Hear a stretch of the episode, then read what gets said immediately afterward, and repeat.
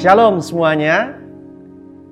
Apa kabar? Saya berharap kita semua dalam keadaan sehat, baik, dan tetap uh, bersuka cita di dalam Tuhan. Pertama-tama saya ingin mengucapkan banyak terima kasih buat Bapak Gembala Pastor Pohan yang memberikan saya kesempatan dan kepercayaan untuk saat ini saya bisa membagikan firman Tuhan secara online. Saya sangat senang sekali bisa berjumpa dengan Bapak Ibu semua uh, jemaat Rock Samarinda, walaupun hanya lewat online ini, tetapi biarlah firman Tuhan yang akan saya coba bagikan ini bisa membantu kita di dalam musim yang unik ini. Dan uh, mungkin sebagian besar daripada Bapak Ibu sudah mengenal saya, tetapi jikalau ada yang belum mengenal saya, izinkan saya memperkenalkan diri saya. Nama saya Hendrianusa, dan uh, judul khotbah daripada renungan kita hari ini saya beri judul siklus 3K. Saya merasa bahwa di dalam musim yang unik ini uh, materi atau firman Tuhan yang akan saya bagikan ini bisa membantu Bapak Ibu semua untuk kita tetap sehat, kita tetap berbuah dan kita tetap sukses walaupun musim ini adalah musim yang sukar. Saya ambil firman Tuhannya dari kitab Mazmur pasal 1 ayat 2 sampai ayatnya yang ketiga. Kitab Mazmur pasal 1 ayat 2 sampai ayat yang ketiga saya akan bacakan. Tetapi yang kesukaannya ialah Taurat Tuhan dan yang merenungkan Taurat itu siang dan malam. Ia seperti pohon yang ditanam di tepi aliran air yang menghasilkan buahnya pada musimnya dan yang tidak layu daunnya apa saja yang diperbuatnya berhasil. Nah, siklus 3K ini yang saya ingin bagikan buat Bapak Ibu akan menghasilkan tiga hal yang tadi saya sudah bacakan buat Bapak Ibu. Jadi ada tiga hal yang merupakan efek atau dampak atau hasil dari 3K yang akan kita lakukan bersama-sama. Dampaknya yang pertama atau hasilnya yang pertama adalah berbuah dikatakan tadi di sana adalah uh, ia seperti pohon yang ditanam di tepi aliran air yang menghasilkan buahnya. Jadi hasil yang pertama adalah berbuah yaitu kehidupan yang bermanfaat bagi orang lain. Kita harus mengingat bahwa berbuah untuk kepentingan orang lain. Yang kedua dikatakan di sana juga tidak layu daunnya. Dampak yang kedua adalah tidak layu daunnya. Ini saya menginterpretasikan sebagai suatu kehidupan atau kondisi yang sehat, tidak layu. Ya. Bapak Ibu dan saya tidak bisa melakukan banyak hal kalau kita sedang sakit. Dan yang terakhir dikatakan di sana, apa saja yang diperbuatnya berhasil. Jadi yang hal yang ketiga atau hasil dampak yang ketiga adalah sukses atau keberhasilan. Nah, mari kita lihat dari tiga K ini, K yang pertama ada di dalam kalimat tetapi yang kesukaannya ialah Taurat Tuhan. Jadi K yang pertama atau siklus K yang pertama adalah kesukaan. Semua orang pasti mempunyai sebuah kesukaan. Anda mempunyai sebuah kesukaan, saya juga mempunyai kesukaan. Dan di dalam kitab Mazmur ini dikatakan orang ini mempunyai kesukaan akan Taurat Tuhan sehingga menghasilkan kehidupan yang berbuah, tidak layu, tetap sehat dan berhasil. Jadi K yang pertama, apa yang Anda sukai? Kesukaan kita saat ini akan menentukan apa yang akan kita peroleh nanti. Kesukaan yang Anda punya saat ini akan menentukan apa yang Anda akan peroleh nanti. Contohnya, Jikalau Anda dan saya suka begadang, sekarang ini karena sering berada di rumah, karena kita diisolasi atau kita disuruh lebih banyak di rumah untuk menjaga jarak, maka kita lebih suka uh, bergadang karena nonton drakor atau drama Korea.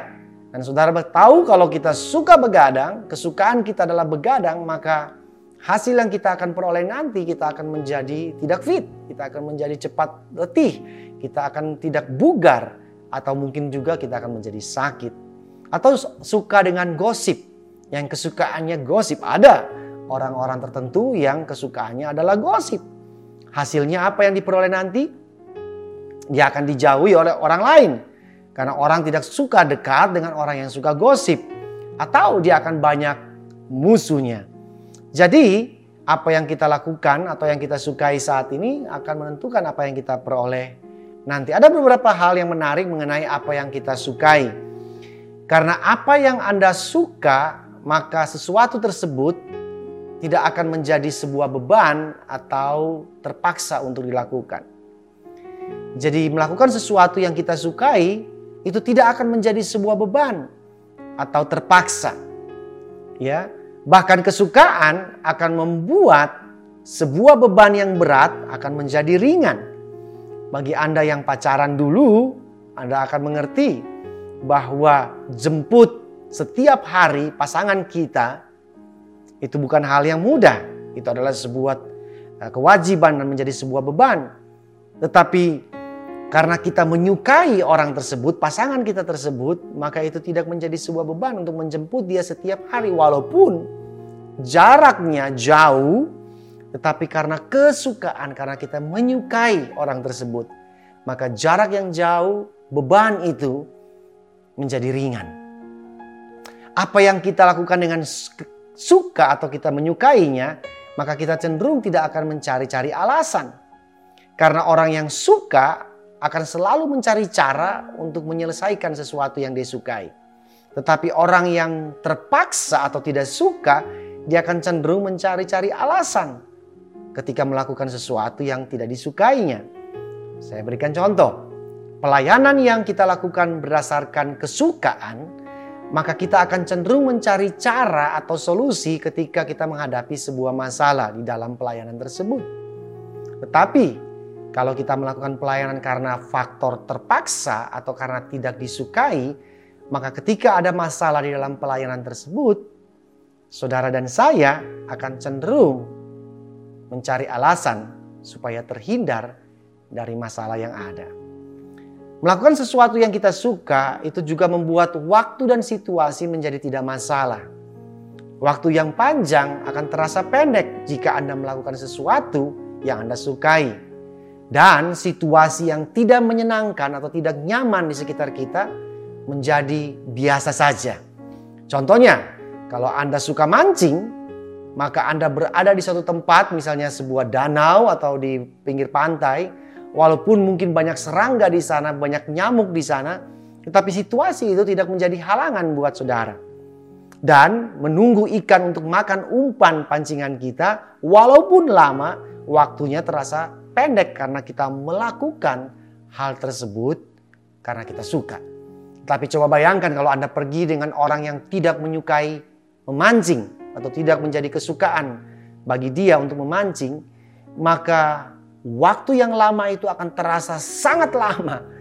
Dan situasi yang ada di sekitar dia, serangga, angin, dan cuaca itu akan menjadi problem yang berat buat orang yang tidak suka mancing. Melakukan sesuatu yang kita sukai, maka cenderung kita akan melakukannya sepenuh hati. Dan kita akan melakukannya dengan ekstra. Hasilnya pasti excellent. Hasilnya pasti luar biasa karena kita melakukannya karena kita suka. Namun, jika Anda melakukan sesuatu karena terpaksa, maka kita akan cenderung melakukannya dengan setengah hati dan hasilnya adalah sekedar dan seadanya. Kitab Mazmur tadi menyampaikan buat kita semua bahwa orang yang kesukaannya ialah Taurat Tuhan, maka dia akan berbuah, tidak layu dan berhasil. Mari kita mulai dari apa yang kita sukai. Jadi kalau firman Tuhan, Taurat Tuhan menjadi kesukaan bagi Bapak Ibu, maka itu akan membuat kita melakukannya dengan sepenuh hati dan hasilnya akan luar biasa. Akan menjadi berat jika saya melakukan sesuatu karena terpaksa, tetapi akan menjadi mudah jika saya melakukannya karena berdasarkan suka. It's hard when I have to do it and it's easy when I like to do it. Yang kedua, K yang kedua ada di dalam kalimat berikut ini. Dan yang merenungkan Taurat itu siang dan malam. Merenungkan Taurat itu siang dan malam. Di dalam bahasa Inggris dalam sebuah terjemahan yang versi Amplified Bible dikatakan di sana kata siang dan malam diganti dengan kata habitually. He habitually meditates by day and by night. Ada kata habitually. Kata siang dan malam itu menunjukkan sebuah tindakan atau sebuah kegiatan yang dilakukan berulang-ulang sehingga terbentuklah yang namanya habit atau habitually. Sesuatu yang kita lakukan berulang-ulang akan menjadi sebuah kebiasaan. Apa itu kebiasaan? Kebiasaan adalah sesuatu yang saudara dan saya lakukan tanpa berpikir dan kita akan merasa kehilangan jikalau kita tidak melakukan hal tersebut. Kebiasaan adalah sesuatu yang kita lakukan tanpa dipikir dan jikalau kita tidak melakukannya, kita akan merasa kehilangan. Kebiasaan adalah sifatnya spontaneous atau spontan dan otomatis. 40 sampai 50 persen apa yang kita lakukan dalam sehari-hari itu semua isinya kebiasaan.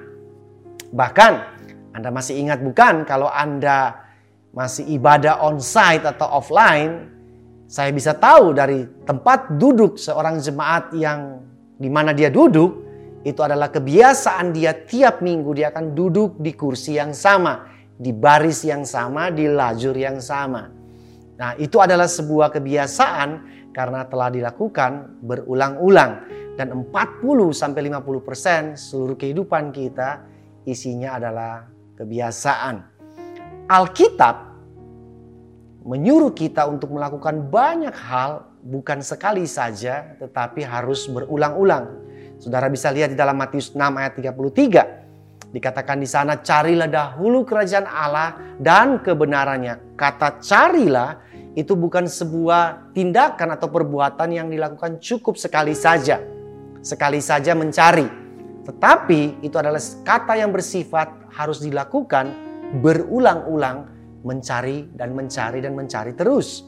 Matius 7 ayat 7 eh, sebuah ayat yang terkenal bilang mintalah maka akan diberikan, carilah maka akan menemukan, ketoklah maka akan pintu dibukakan. Mintalah, carilah, ketok adalah sebuah kata kerja yang bukan hanya dilakukan satu kali saja cukup tetapi itu harus dilakukan berulang-ulang. Kita harus minta berulang-ulang. Kita harus cari berulang-ulang. Kita harus mengetok berulang-ulang. Karena kenapa? Karena sesuatu yang kita lakukan berulang-ulang, night and day, day and night, siang dan malam, itu akan membentuk sebuah kebiasaan. Dan ketika sebuah kebiasaan ini terbentuk, maka kita akan melakukan hal tersebut tidak usah dipikir, tidak pakai cari alasan, kita akan melakukannya spontan dan otomatis. Mengampuni, memberi, berdoa, semua yang disuruh oleh Alkitab itu kita harus lakukan bukan sekali saja cukup, tetapi harus berulang-ulang. Jadi prinsip Alkitab adalah sekali tidak cukup, tetapi kita harus melakukannya repeatedly atau berulang-ulang sehingga membentuk sebuah kebiasaan. Kumpulan dari sebuah kebiasaan disebut dengan culture atau budaya. Jadi jikalau Anda mau mendapatkan sebuah kingdom culture atau budaya kerajaan, Anda harus mulai dari membentuk kingdom habits. Kebiasaan-kebiasaan kerajaan. Dan kebiasaan-kebiasaan kerajaan ini terbentuk dari mana? Dari satu hal yang kita lakukan berulang-ulang. Biasakan dulu barulah terbiasa. Jadi kita harus biasakan dulu diri kita untuk melakukan mengampuni, berdoa, memberi, mencari kerajaan Allah berulang-ulang sehingga kita menjadi terbiasa pribadi yang suka berdoa, mengampuni, memberi, mencari kerajaan Allah, minta, ketok, dan segala macam yang lainnya. Kebiasaan membuat konsistensi menjadi konsisten habit makes konsistensi konsisten. Kalau Anda ingin melakukan sesuatu secara konsisten, Anda harus bangun kebiasaan terlebih dahulu sehingga hal yang Anda ingin konsisten di dalamnya akan otomatis menjadi konsisten Karena kebiasaan membantu kita untuk melakukan satu perkara atau satu hal secara konsisten. Ada sebuah quote yang bagus berkata seperti ini. First you create your habits, then your habits create you. Jadi yang awal atau yang pertama yang kita harus lakukan adalah kita membentuk kebiasaan kita. Kita membangun kebiasaan kita, nanti kemudiannya kebiasaan kita membentuk pribadi kita. Saudara bisa perhatikan, begitu banyak orang-orang di sekeliling kita yang kita pasang label kepada diri mereka, itu sebenarnya datang label tersebut dari kebiasaan-kebiasaan yang mereka punya. Misalnya orang yang ramah, maka itu adalah kebiasaan-kebiasaan dia menjadi pribadi yang ramah.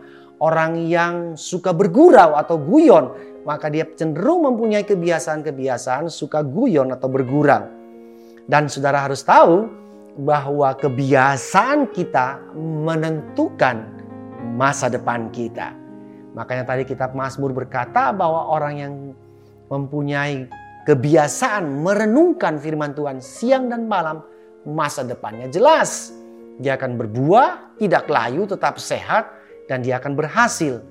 People don't decide their future, they decide their habits, and their habits decide their future.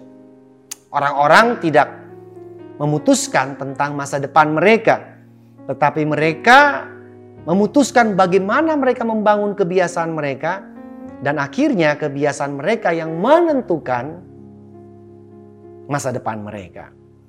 Dan itu K yang kedua. Jadi K yang pertama adalah kesukaan kita. Apa yang Anda sukai itu akan menentukan kebiasaan Anda. Karena apa yang Anda sukai lakukan berulang-ulang akan menjadi K yang kedua, yaitu kebiasaan Anda. Dan K yang ketiga ada di dalam kalimat ayat berikut ini. Ia seperti pohon yang ditanam di tepi aliran air. Dan saya ambil kata ditanam di sana. Di dalam terjemahan The Message, kata ditanam di sana dipakai kata replanted. You are a tree replanted in Eden. Ada pakai kata replanted. Artinya replanted ditanam ulang. Di mana? Di Taman Eden. Atau di taman yang Tuhan kehendaki. Artinya pohon tadi bukan berada di tepi aliran sungai. Tetapi mungkin dia ada di tempat yang kering. Yang tidak sesuai. Yang tidak ada gizi di sana. Yang tidak bisa bertumbuh dengan baik sehingga dia harus dipindahkan dari lingkungan yang satu kepada lingkungan yang sebenarnya yang baik yang mensupport dia untuk supaya bisa berbuah, tidak layu dan berhasil. Nah, kehidupan saudara dan saya juga seperti itu. Kalau Anda melihat kehidupan Anda tidak berbuah, tidak sehat dan tidak berhasil, mungkin Anda harus di replanted, ditanam di tempat yang berbeda dan ini berbicara mengenai komunitas. Jadi K yang ketiga adalah komunitas. Komunitas seperti sebuah soil atau tanah di mana kita bertumbuh di atasnya. Di dalam 1 Korintus 15 ayat 33 dikatakan di sana janganlah kamu sesat, pergaulan dalam bahasa aslinya homilia, home, sebuah rumah yang buruk merusakkan kebiasaan atau etos yang baik. Jadi homilia yang buruk, home, lingkungan yang buruk merusak etos, etika, kebiasaan yang baik. Sangat penting sekali kalau Anda dan saya sudah punya kesukaan yang baik, kebiasaan yang baik, dan K yang ketiga Anda harus memperhatikan di mana Anda bertumbuh. Komunitas seperti apa yang Anda punyai. Karena Amsal 13 ayat 20 bilang, siapa yang bergaul dengan orang bijak, yang berteman dengan orang bijak, dia akan menjadi bijak. Tetapi siapa yang berteman dengan orang yang bodoh atau bebal akan menjadi bodoh atau bebal dan kehidupannya akan menjadi malang, tidak berhasil, tidak sehat dan tidak memuliakan Tuhan. Jadi sangat penting sekali Bapak Ibu Saudara-saudari semua memperhatikan di mana Anda bertumbuh. Komunitas seperti apa yang Anda miliki. Mari kita saksikan video klip berikut ini yang akan membantu Anda lebih memahami betapa pentingnya orang-orang di sekitar Anda membantu Anda untuk bertumbuh. The gentleman in the elevator now is a candid star. These folks who are entering, the man with the white shirt, the lady with the trench coat, and subsequently one other member of our staff, will face the rear. And you'll see how this man in the trench coat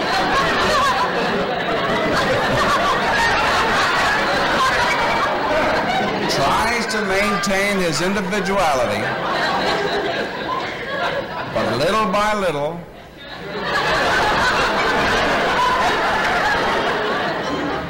He looks at his watch, but he's really making an excuse for turning just a little bit more to the wall. Now we'll try it once again. Here's the candid subject. Here comes the candid camera staff, three of them at least.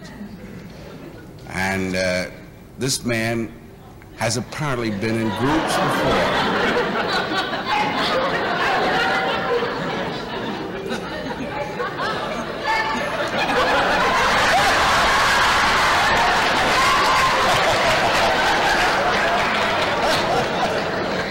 Now, here's a fella with his hat on in the elevator. First, he makes a full turn to the rear, and Charlie closes the door. A moment later, we'll open the door. Everybody's changed positions.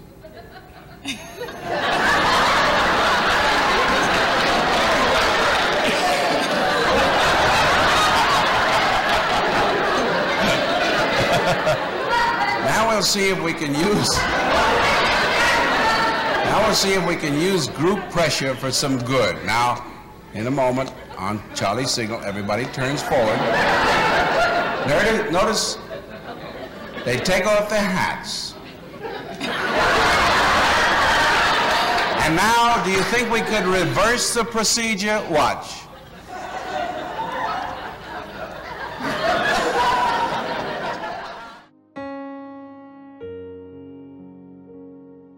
Nah, Anda sudah menyaksikan video klip tersebut bukan? Mungkin Anda akan tertawa di rumah ketika menyaksikannya bahwa kok lucu banget. Bisa dia ikut semua uh, apa yang dibuat oleh orang lain, dia akan secara otomatis mengikutinya. Karena memang seperti yang dikatakan tadi, it's human nature to follow.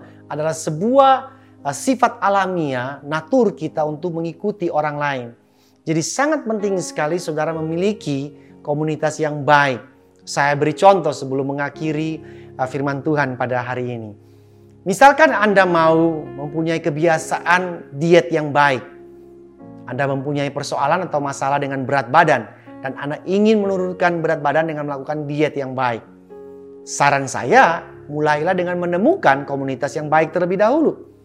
Karena percuma kalau Anda mau memulai sebuah diet, misalnya Anda ingin menurunkan berat badan tetapi handphone Anda itu isinya adalah grup WhatsApp uh, wisata kuliner makan apa saja. Maka begitu Anda sedang melakukan diet tetapi komunitas Anda yang Anda punya saat itu tidak mendukung program diet Anda.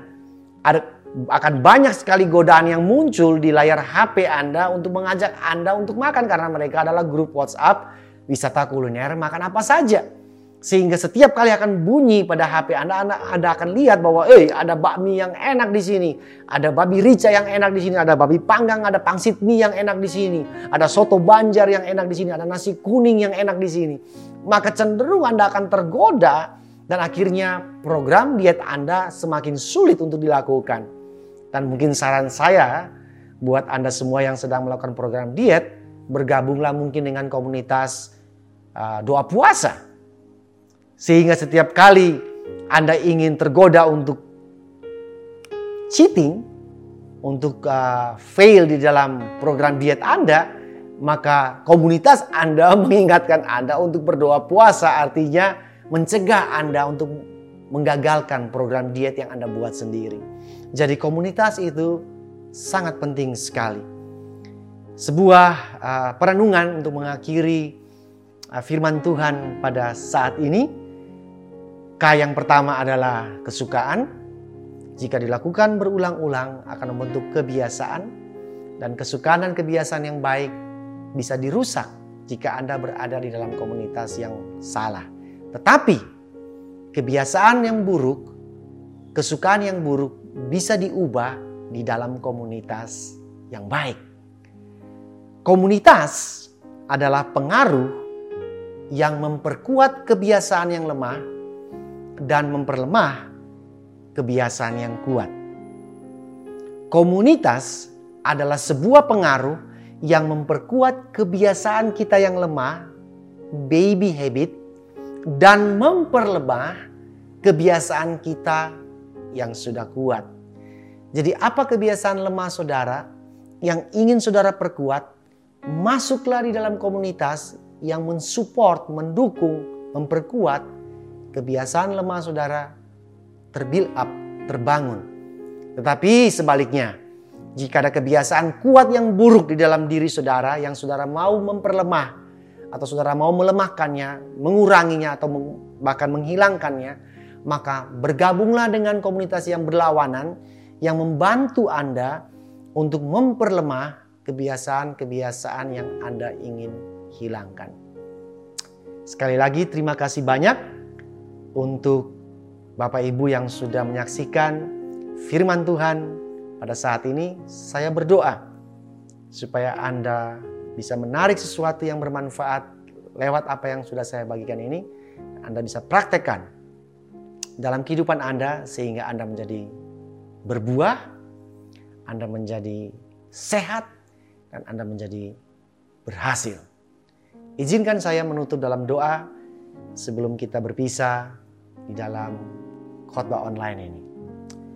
Bapa di surga, terima kasih kami mengucap syukur untuk rahmatmu yang besar lewat Yesus Kristus, anakmu yang tunggal, telah menjadi keselamatan bagi diri kami, juru selamat kami, memberikan kami grace, anugerah, memberikan kami kasih karunia, kemampuan dari Tuhan untuk kami bisa melakukan setiap perintah-perintah Tuhan.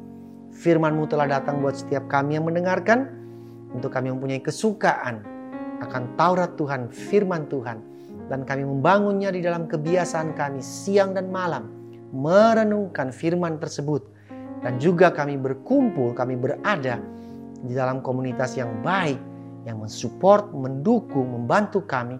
Untuk kami berbuah, kami bertumbuh menjadi pohon yang sehat, yang berhasil. Terima kasih berkati semua jemaatmu, umatmu yang sudah menyaksikan firman Tuhan saat ini. Biarlah kehidupan kami mempermuliakan Tuhan, apa yang kami kerjakan menjadi berhasil. Di dalam nama Tuhan Yesus Kristus, Juru Selamat kami, berdoa dan mengucap syukur. Haleluya. Amin. Terima kasih sudah mengenalkan saya saat ini. Tuhan memberkati setiap hati saudara. God bless you.